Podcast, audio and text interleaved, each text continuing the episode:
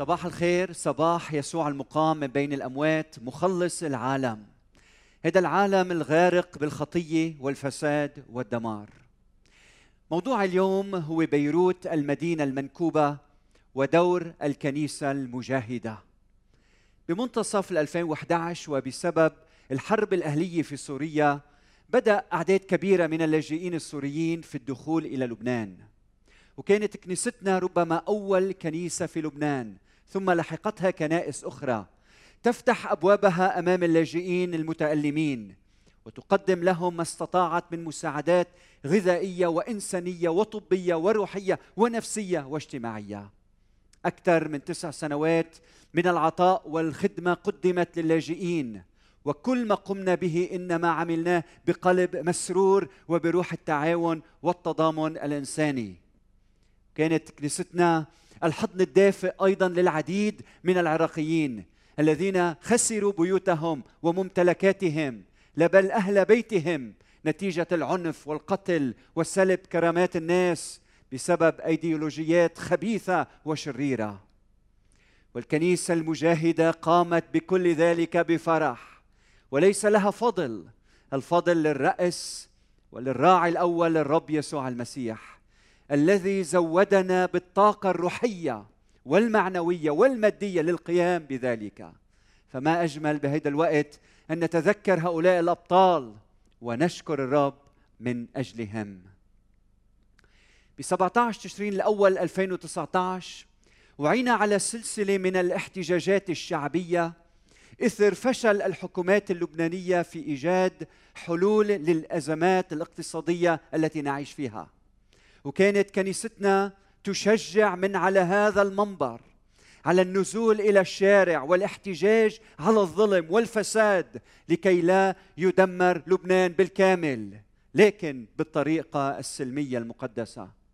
ولطالما علمت من هنا أن الزعيم أو المسؤول أو المدير هو خادم الله للصلاح وينبغي أن نخضع له لكن حين لا يعود هذا المسؤول خادما لله ويصبح خادما للمال وللشر يفقد شرعيته. فمن حقنا لا بل من واجبنا أن نثور عليه ونتحول كلنا أنبياء ناطقين باسم المظلوم وصارخين في وجه الظلم محاسبين الظالم في ضوء الكلمة الإلهية. والذي لا يفعل ذلك يكون مجرما يشترك في ظلم الآخرين. لأنك لو لم تحاسب الظالم فأنت تدمر المظلوم وتدمر الوطن.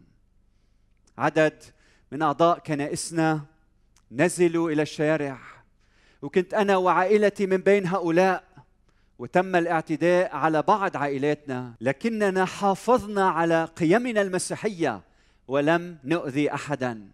ونتيجة الاعتصامات لم نستطع أن نجتمع في الكنيسة لأسابيع عديدة فحولنا كل بيت من بيوتنا إلى كنيسة. والفضل يعود إلى قادة ورعاة مكرسين لخدمة الرب في كل الظروف لكن بلا شك كل هذه التغيرات أرهقتنا. وفي 21 شباط 2020 استيقظنا على أول حالة إصابة بكوفيد 19 وراحت العدوى تنتشر بسرعة وتتضاعف أعداد المصابين محليا وعالميا. الأمر الذي أدى إلى تعليق اجتماعات العباده في الكنيسة. منعا لانتشار الوباء. فتحركت قلوب قادة كنيستنا للخدمة. فقمنا بخدمة تعقيم مجانية لمباني الكنائس كنيستنا وكنائس أخرى. من أجل حماية الناس والحفاظ على سلامتهم من هذه الجائحة المدمرة. من جديد وجدنا نفوسنا في الصفوف الأمامية في خدمة أبناء رعيتنا ومجتمعنا. فقمنا بإعادة تنظيم خدماتنا وشددنا على اللامركزية في حضور الاجتماعات والخدمات الرعائية مع الحفاظ على مركزية القيادة والرؤية والتعليم. مستفيدين من الوسائل وسائل التواصل الاجتماعي لخدمة مجتمعاتنا. ونجحنا إلى حد كبير في متابعة اجتماعاتنا عبر صفحاتنا على مواقع التواصل الاجتماعي وتقديم المشورة لمن يحتاج إليها. واستمرينا في التلاقي ولو عن بعد عبر شاشات هواتفنا وغيرها بشكل أسبوعي حتى لا نسهم في تفشي الوباء وحرصا على سلامة أبناء رعيتنا ومجتمعنا. وهذا الأمر أيضا أرهق الكنيسة وقادتها الذين توجب عليهم التأقلم مع أسلوب جديد للخدمة عن بعد. وقديش نظمنا خدمات ثم لغيناها خطتنا لمشاريع ثم توقفنا بسبب الظروف. وكأنه لا يكفي هذا القدر من المصائب حتى أتتنا مصيبة انهيار العملة اللبنانية مقابل الدولار مثل ما بتعرفوا. فيلي كان يطلع مليون ليرة أي 700 دولار صار بشهر واحد قيمتهم 120 دولار. والله يستر ما يصيروا يوما 25 دولار. وهيدي النكبة الاقتصادية التي أصابت لبنان ألقت على كاهل الكنيسة أعباء إضافية لأن اسرا لبنانية كثيرة صارت تحت خط الفقر. خصوصا بعد أن أقفلت العديد من المؤسسات أبوابها وصار رب البيت دون عمل. وانكبت الكنيسة من جديد على العطاء ومد يد العون للأسر المحتاجة وتأمين ما يلزم من أدوية وتوزيع الحصص الغذائية. وهذا دون أن تنقطع عن مساعدة أسر اللاجئين السوريين والعراقيين. نشكر الله من أجل كل شركائنا الذين وقفوا إلى جانبنا في هذه الظروف الصعبة. فتمكنا من مساعدة شعبنا وأيضا كنائس أخرى وإخوتنا في الوطن. والمصيبة الأكبر أن المال المودع في حسابات الكنيسة والذي كانت الكنيسة تخصصه لخدمات معينة لم نعد قادرين على الاستفادة منه إلا إذا جرى تحويله مقابل 1500 ليرة أو جزء صغير منه مقابل حوالي 3900 ليرة للدولار الواحد. ومع غلاء المعيشة والارتفاع الجنوني للأسعار أصبحت مدفوعات الكنيسة ونفقاتها أكثر بكثير مما كانت عليه في السنوات الماضية. ومع ذلك حكمة الله ساعدتنا لكي نحافظ على مواردنا فنستمر في خدمة الإنسان. الاثنين الماضي الواقع ب 3 آب أغسطس. قلت المسؤولة عن الإغاثة في كنيستنا إن الفريق منهك تماما فنحن نعمل منذ أشهر كثيرة دون راحة. فيجب أن نفكر في خطة لتخفيف العبء على الفريق. وفي اليوم التالي يوم الثلاثاء يلي مضى عند الساعة السادسة دول الانفجار الكبير الذي سمع في كل لبنان ووصلت أصداؤه حتى إلى أبرص وحرك قلوب العالم كله نحو بيروت المنكوبة. وفي اللحظة ذاتها عندما سمعنا الخبر بدموع لملمنا أنفسنا وما بقي لنا من طاقة وقوة. وباشرنا بقوة الروح القدس في خدمة الإنسان من جديد والعطاء حتى من جيوبنا. حتى نقف إلى جانب المتألمين نتيجة هذه الكارثة الكبرى. نحن اليوم جهزنا فرق تقوم بخدمة تنظيف وترميم وإعداد الطعام والقيام بكل ما يلزم من أجل مساعدة المحتاجين. وهذا لا يمكن أن يحدث بقوتنا إنما بقوة الروح القدس العامل في حياة قادة أمناء يعطون حياتهم. في خدمة الرب. اللي عم نقوم فيه نحن اليوم تقوم به الكثير من الكنائس والمؤسسات الخيرية وغيرها وأفراد ومواطنين. وللرب كل المجد. وماذا بعد؟ وماذا بعد؟ أمراض جوع وباء نفايات متفجرات لا كهرباء لا ماء لا بنزين لا مازوت لا طحين. شو بعد فيه؟ من هون مش رايحين. باقونا إلى يوم القيامة. وماذا عن الغد؟ بدي لك اليوم أنت يلي عم تسمعني ما حدا بيعطينا الرجاء والأمل والسلام إلا شخص الرب يسوع المسيح من خلال كلمته. المسيح يلي قال سلاما أترك لكم سلامي أعطيكم ليس كما يعطي العالم أعطيكم أنا. لا تضطرب قلوبكم ولا ترهب. فيكم تاخذوا كل شيء منا لكن لن ينزع أحد سلامنا ولا حريتنا ولا هويتنا. نحن سفراء المسيح كهنوت ملكي أمة مقدسة شعب اقتناه الرب لنعيش هنا ونغير بلدنا لبنان. وطننا لبنان وأنا لبناني وولاؤنا ليس لزعيم ولا لمدير ولا لأي شخص آخر إلا يسوع المسيح هو فوق الكل. والآن شو هي رسالة الرب لكنيسته؟ لكل الشعب اللبناني المتألم. يمكن عم تسأل ماذا سيحدث في المستقبل؟ ماذا يجب أن نفعل؟ كيف نستمر؟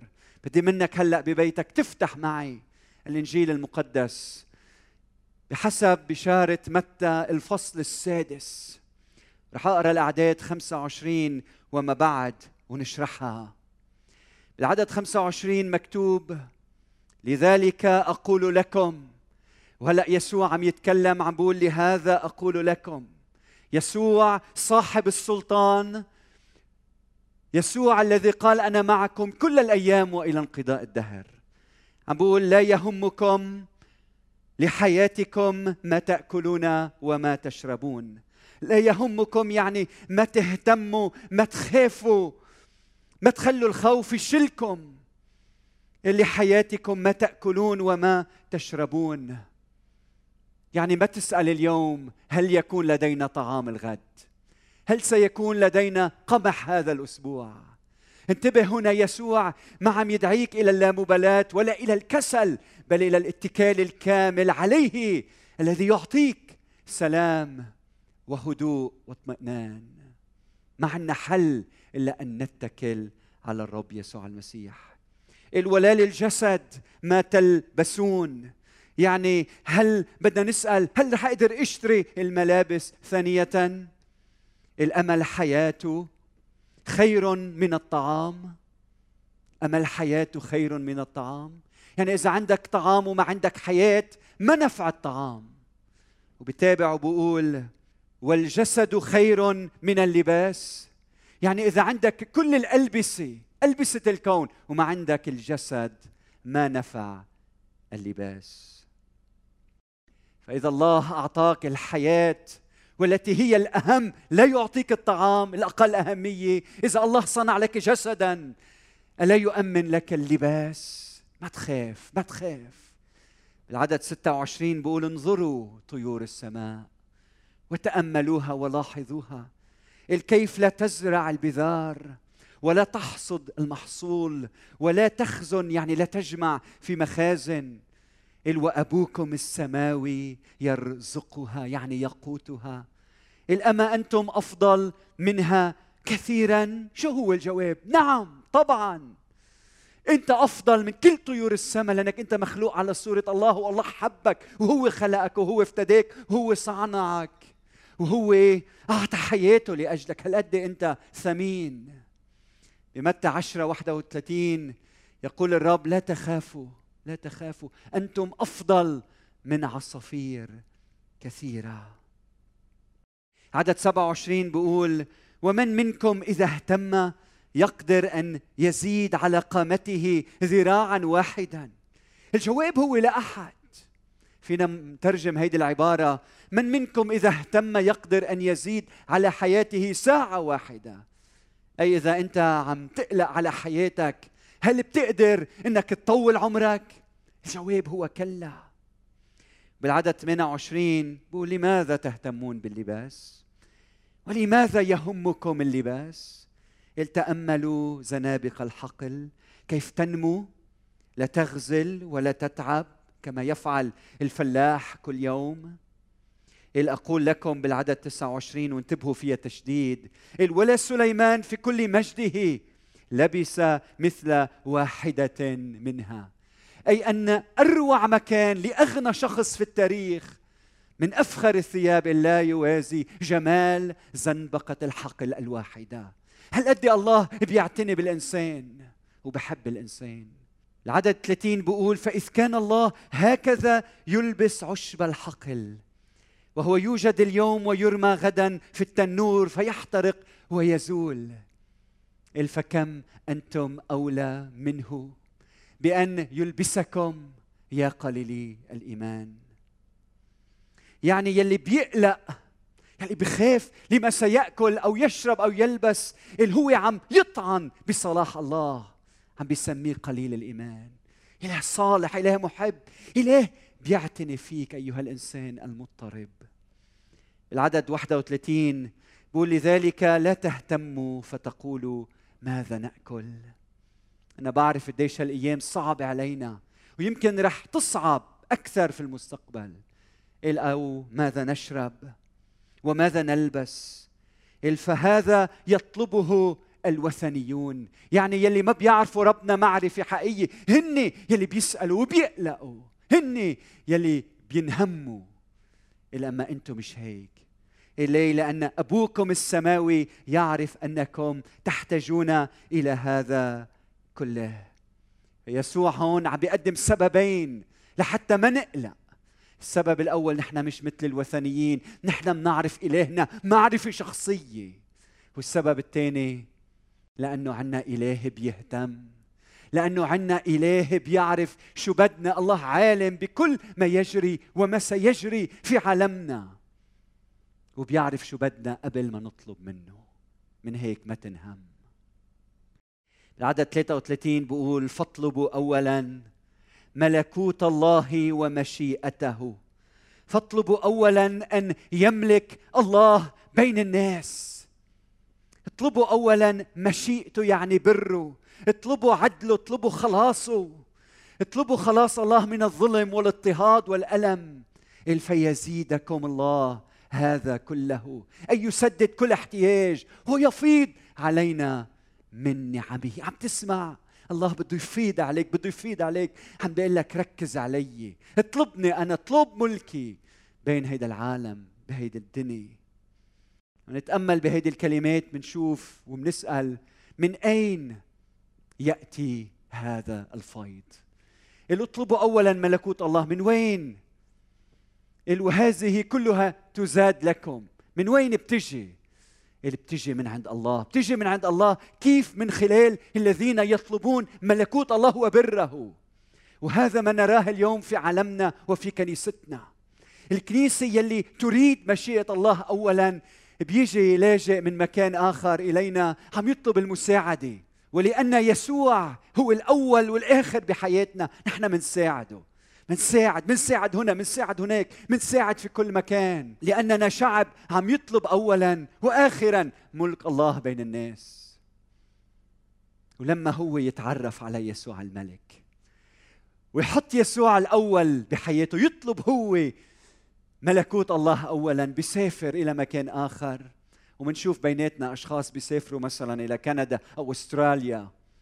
وهن يلي راحوا يلي كانوا عم يستفيدوا من عطائنا الكريم لأنه نحن عم نطلب ملكوت الله وبره وعم نساعد المحتاجين. هيدا الشخص لما بيسافر بيطلع وبشوف كيف الله بلش يباركه. ببلش هو يقدم العشور والتقديمات لكي يساعد المحتاجين في لبنان. قديش ساعدنا أشخاص سوريين وعراقيين. واليوم نحن في نكبة. من يسد احتياجاتنا؟ بتشوف كيف الكنيسة عم تتحرك من مكان إلى آخر. وبهذا الوضع من بعد هالانفجار الكبير بنشوف اليوم اللبنانيين والسوريين والعراقيين وكل إخوتنا في كل مكان والعالم كله تحرك لحتى يخدم لحتى يوقف حد المحتاجين والمتألمين. وعدد كبير من المتطوعين من خلفيات متعددة. أعداد أكثر مما نحتاج مساعدات أكثر مما نريد. ليه؟ لأنه كلنا عم نطلب ملكوت الله والله عم بيباركنا عم بيباركنا اطلبوا أولا ملكوت الله وبره وهذه كلها تزاد لكم. واطلبوا انتبه بالجمع يعني اطلبوا معا الكنيسة الواحدة باتحادها. لأنه لما مع بعض نطلب ملكوت الله اللي معه بيعطي اللي ما معه. ولما يجي وقت هيدا اللي معه ببطل معه بسبب ظروف الحياة اللي ما كان معه وصار معه بيعطي اللي ما معه وهيك كلنا اللي عم نطلب معا ملكوت الله وبره الله بيسدد احتياجاتنا وبفيض بحياتنا بالبركات. فأنت اليوم مدعو إنك تشترك معنا بهذا العمل إنك تدعي الله يكون الأول والسيد الوحيد على حياتك. نحن بهالأيام جايين نطلب ملكوت الله أمور صعبة تحديات صعبة.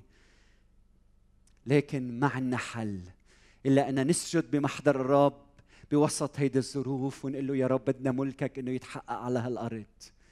والغد بإيدك. العدد 34 بيقول لا يهمكم أمر الغد. ما تهتموا للغد. بتعرف ليش أنت خايف اليوم؟ ليش أنت عندك قلق؟ ليش أنت خايف على أولادك؟ لأنك غير قادر أن تتحكم بالغد. وبمصيرك فيه. أنت مضطرب وطبيعي أن تضطرب لأن الغد غامض.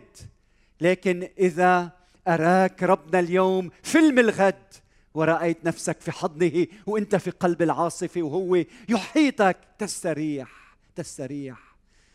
فبقول فالغد يهتم بنفسه ولكل يوم من المتاعب ما يكفيه ما يكفيه. أي يكفي اليوم شره وبطرس بالنا ملقين كل همكم عليه لأنه هو يعتني بكم. إذا شو دور الكنيسة اليوم؟ هل دور النق أو التململ أو التذمر أو الشتيمة أو الإدانة تلعن الآخرين. الكنيسة تطلب ملكوت الله. هيدي رسالة الله لنا اليوم. الكنيسة تطلب ملكوت الله. يعني يسوع اولا يعني قيم الملكوت اولا يعني وصية المحبة للجميع اولا يعني مأمورية يسوع العظمى اولا يعني متى 25 31 حتى نهاية الإصحاح يسوع اولا الجائع من مسؤوليتنا المريض من واجبنا المظلوم نحن صوته اليائس نحن رجاؤه الفقير عطاؤنا شبعه العطشان يسوع يلي فينا ماؤه نحن ملح الأرض نحن نور العالم حضورنا حضور يسوع بين الناس. ممنوع حدا يسأل أين يسوع لأنه الكنيسة حاضرة بين الناس ومع الناس. نحن العروس عيناها عليه قلبها نحو كل محتاج يداها تغسلان أرجل الناس. نحن نؤثر على الغير ولا نسمح للشر أن يؤثر علينا. نحن نقود ولا نقاد بالظلم. نحن نثور على الشر ولا نثأر من أحد. نحن كنيسة يسوع. لا نتشتت بسبب الضيقات بل نتحد. نقول مع بولس ولكنني أفعل شيئا واحدا. إذ أنسى ما هو وراء أمتد إلى ما هو قدام. أسعى نحو الغرض لأجل جعاله دعوه الله العليا في المسيح يسوع.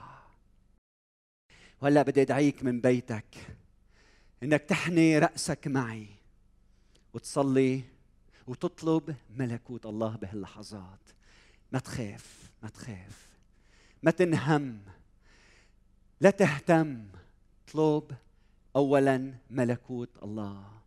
لما بتطلبه ليكون اولا يصبح هو الماسك بمقود الحياة الماسك بالغد. فنحن لا نثق بقدرة الله الفائقة المظللة على هيدا الكون وحسب بل أيضا بعنايته. الأبوية كل يوم وكل ساعة. عينيك على ملك الله بيننا. عينينا على تحرك الله بيننا. هلا صلي معي وقل له يا رب ارحمني. أنا إنسان خاطي بعيد عنك. أنا إنسان قليل الإيمان. أكيد أنت بتعرف يا رب قديش أنا متألم قديش في خوف بقلبي قديش أنا مضطرب من المستقبل.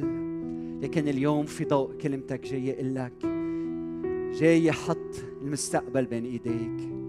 جاي أقول لك يا رب أنت ضامن المستقبل لأنه أنا هون حتى أطلب ملكك على حياتي وعلى قلبي. تعا يا رب وسود على كياني سود على مشاعري سود على مخاوفي سود على حياتي كلها يا رب. بحط اولادي بين ايديك بحط مستقبلي بين ايديك. لك أنا ما رح انهم. أنا ما رح أقلق يا رب أنا ما رح خلي الخوف يشلني من إني أقوم وأخدمك يا رب وأطلب ملكك بهيدا العالم. صلي يا رب من أجل لبنان بهيدي اللحظات الأليمة الصعبة. نحن يلي شفنا هالثلاث أيام أفظع ما يمكن. شفنا الألم والموت قدام عينينا. شفنا مخاوف الناس. جايين يا رب نرفع الكل قدامك. جايين نقول لك نحن ما بنعرف المستقبل لكن بنعرفك أنت. نحن بنجهل المستقبل لكن اختبرناك أنت بحياتنا. بنقول لك تعال سود على قلوبنا وعلى حياتنا بالكامل. واعطينا رجاء وأمل لحتى نستمر في خدمتك. اكشوف عن عينينا لحتى نشوف ملكك في وسطنا لحتى نقدر نفهم تحركاتك يا رب في هذا العالم. إذا حدا مريض عم يسمعنا زوره إذا حدا متألم زوره إذا حدا ببيته يا رب حزين وحقن رأسه وشاعر بحمل بثقل الخطية يلي قلت تعالوا إلي يا جميع المتعبين والثقلي الأحمال من الشرائع ومن نواميس ومن كل آه، توقعات الناس علينا. تعالوا إلي يا جميع المتعبين والثقلي الأحمال. وأنا أريحكم. احملوا نيري عليكم وتعلموا مني لأني وديع ومتواضع القلب. جايين نحمل نيرك يعني نحمل تعليمك. جايين نحمل تعليمك ونركز أنظارنا مثل ما علمتنا في عظة الجبل. عليك أنت وحدك يا رئيس السلام. على ملكك في وسطنا. مثل ما علمتنا نصلي الأبانا ليأتي ملكوتك كما في السماء كذلك على الأرض. نرفع صلاتنا لإلك. أيها الآب باسم ابنك يسوع المسيح ولك به ومع روحك القدوس كل سجود وعبادة من الآن وإلى الأبد.